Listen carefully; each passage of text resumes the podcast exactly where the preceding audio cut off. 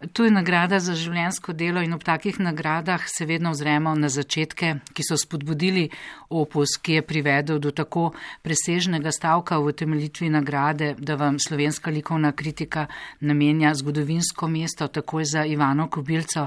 Je bilo likovno ustvarjanje, ki ste mu res namenili svoje življenje, vaša prva izbira? Ja, ne vem, ker jaz sem se zelo pozno odločila za slikarstvo. Bolj je bila ta želja, da bi, da bi nekaj izrazila. Ne? Jaz pol, ker nisem glasbeno nadarjena, pisala, nisem poezija, nisem pisala, tako da je potem le se to nekako kanaliziralo v to smer. In je, to pa zelo pozno, jaz v bistvu v sedmi gimnaziji sem jaz se nekako odločila in pa v nek tečaj. Ampak kot študentka ste imeli, mislim, da lahko rečem, srečo, da sta bila vaša profesorja na akademiji Mari Pregol in Gabriel Stupica. Ja, to je bila neskončna sreča. Ne? In tudi uh, podpora, ki sem jih dobila od njih. Ne? Oni so bili, niso bili tako nekako, kako bi rekla, mogoče ostala scena je bila predvsem mačistična, ne? ampak ona dva pa ne. Ona dva sta eh, znala v vsakem človeku videti in potencial in skratka podpreti to, kar, kar je človek imel v sebi.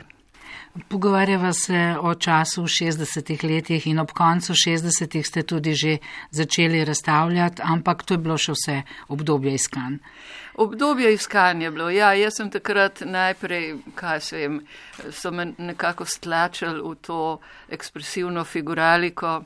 To obdobje se je dost hitro končalo In končalo se je pravzaprav s to neverjetnim slučajem, ko sem jaz enkrat zagledala frančiškansko crkvo vso užarjeno. Ne? In tukaj, od tukaj naprej se mi pa zdi, da je šla moja pot.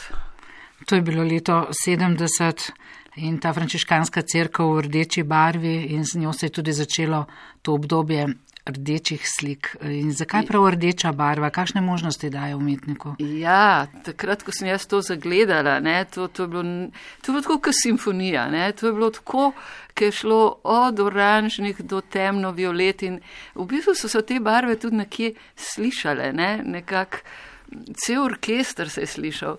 In zato sem jaz potem raziskvala, kaj rdeča barva sploh je a je to nekaj zaprtega, agresivno, ali gre v prostor, ali daje možnosti, kaj so te možnosti vseh teh tonov. To, to me je nekako zanimalo in potem sem počasi šla iz arhitekture tudi v interjerje. V interjerjih sem potem nenadoma zagledala dva plašča od moje mame in mojega in to me je spodbudilo pol k portretom skozi oblačila. Se pravi, kot personifikacija, neka pravzaprav specifična psihološka stanja, bi lahko morda rekli. Ja, ja. Tudi druge barve so se potem. Uh, druge barve so se prav, pravzaprav začele pojavljati proti koncu, ko sem nekako to rdečo barvo izčrpala in tam nisem potem videla nobene poti naprej in, in stvar se je ustavila. In to je pa eno od tistih temnih obdobij, ko, ko se nekaj konča in se drugo še ni pojavilo. Takrat sem pa začela risati. Omenili ste, da ko ste izčrpali nekako to rdeče obdobje, da ste začeli risati, ampak pravzaprav je takrat prišlo v 80-ih do pravega izbruha risb. Ne? To je bil ta čas obdobja nove podobe, ko je bilo mnogo bolj spontano izražanje medsebojnih odnosov, simbolike, erotike, tudi teh odnosov človek, eh, žival, vendar vse v nekakšnih izmišljenih eh, prostorih. Ne? In tu verjetno tudi ne moreva mimo mistike vzhodne filozofije. Ja, vse, vse, kar se je v bistvu do takrat ne v meni nabralo, in izkušnje, in potvanja, in znanja, in branja, mislim, vse. To je vse se strpalo v eno vrečo. In takrat, ko sem jaz začela risati, jaz nisem imela pojma, kaj bom risala. Ne, ne prva, ne zadnja, ne nobena od risb ni bila planirana. Ne. To je nastajalo sproti na papirju in koliko časa je nastajalo, je šlo, potem se je ustavilo, je treba bilo počakati, drug dan nadaljevati. Ne? In zdaj, eh, bilo je pa zelo čudno, ne? ker jaz večino teh risb itak ne razumem in ne vem, kaj pomenijo. Ker nekako to ni ilustracija, ne? to je nekaj, kar, kar je samo po sebi nastalo. In če, je, če takrat mene ne bi moj mož Tomaš Šalomon v tem podprl, ne, ker je on videl v tem nekaj novega in nekaj presežnega, mogoče bi jaz to pač dala v predal in tega ne bi bilo. In je vprašanje, kako bi potem šlo naprej. Ampak po tem obdobju risb ste se pa spet vrnili k slikanju v 90-ih in to so pa te monumentalne ženske podobe zazrte v neko nadzemljsko resničnost, tak angelski svet, ki ni zavezan zemljskemu času in prostoru. Lahko pojasnite to metafizično brezčasje teh podob? Ja, te podobe, prva ta podoba se je dejansko usila, res usila. Ne vem, jaz sploh ne. Ponovadi je treba za te velike slike narediti skice, uno, tretje, ampak tega se jaz tudi zdaj ne spomnim. Jaz samo vem, da ta slika se je naredila, se je pojavila in me je bilo groza, zato ker nisem vedela, kaj to zdaj je. To ni imelo, ni imelo nobene zveze s prejšnjim, ne, niti ni imelo zveze z risbami, ampak se je nek, pač se je materializiralo neki in jaz sem potem morala to sprejeti.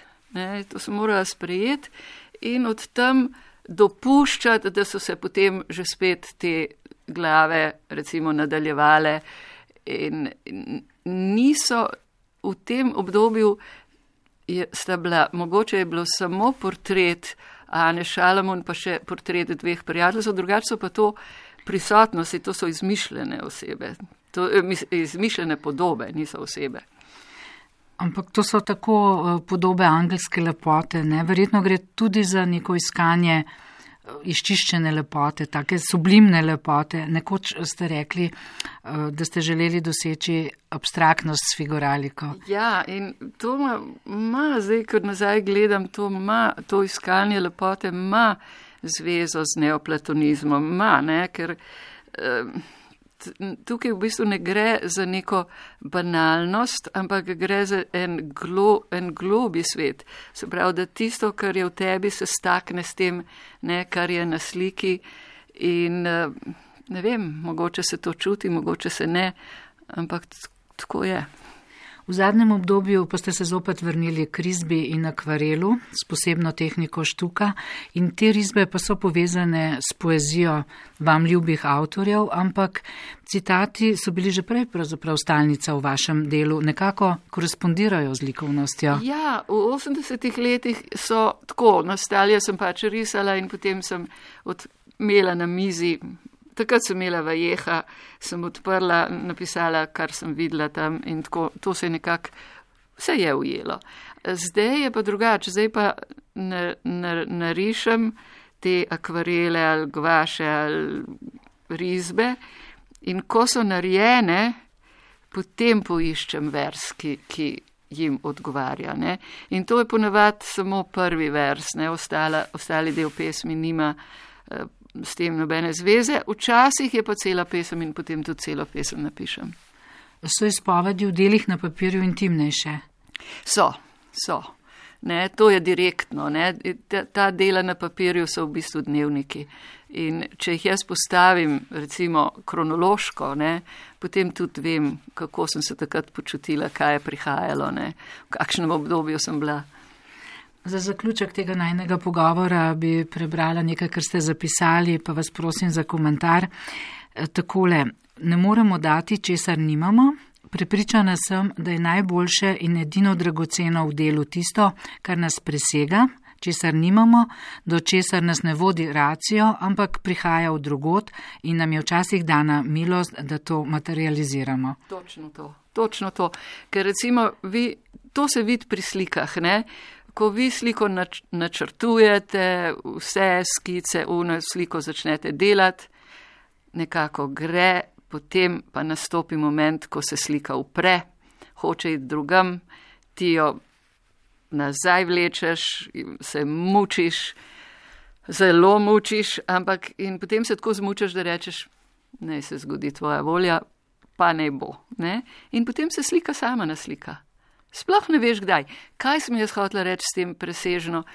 Tega, ker edino tist, kar te presega, ne, je presežno. Se pravi, tukaj ni naša zasluga, to je neki drugega nastopi, en, en, drug, en drug tok, ena skrivnost nastopi. Ne.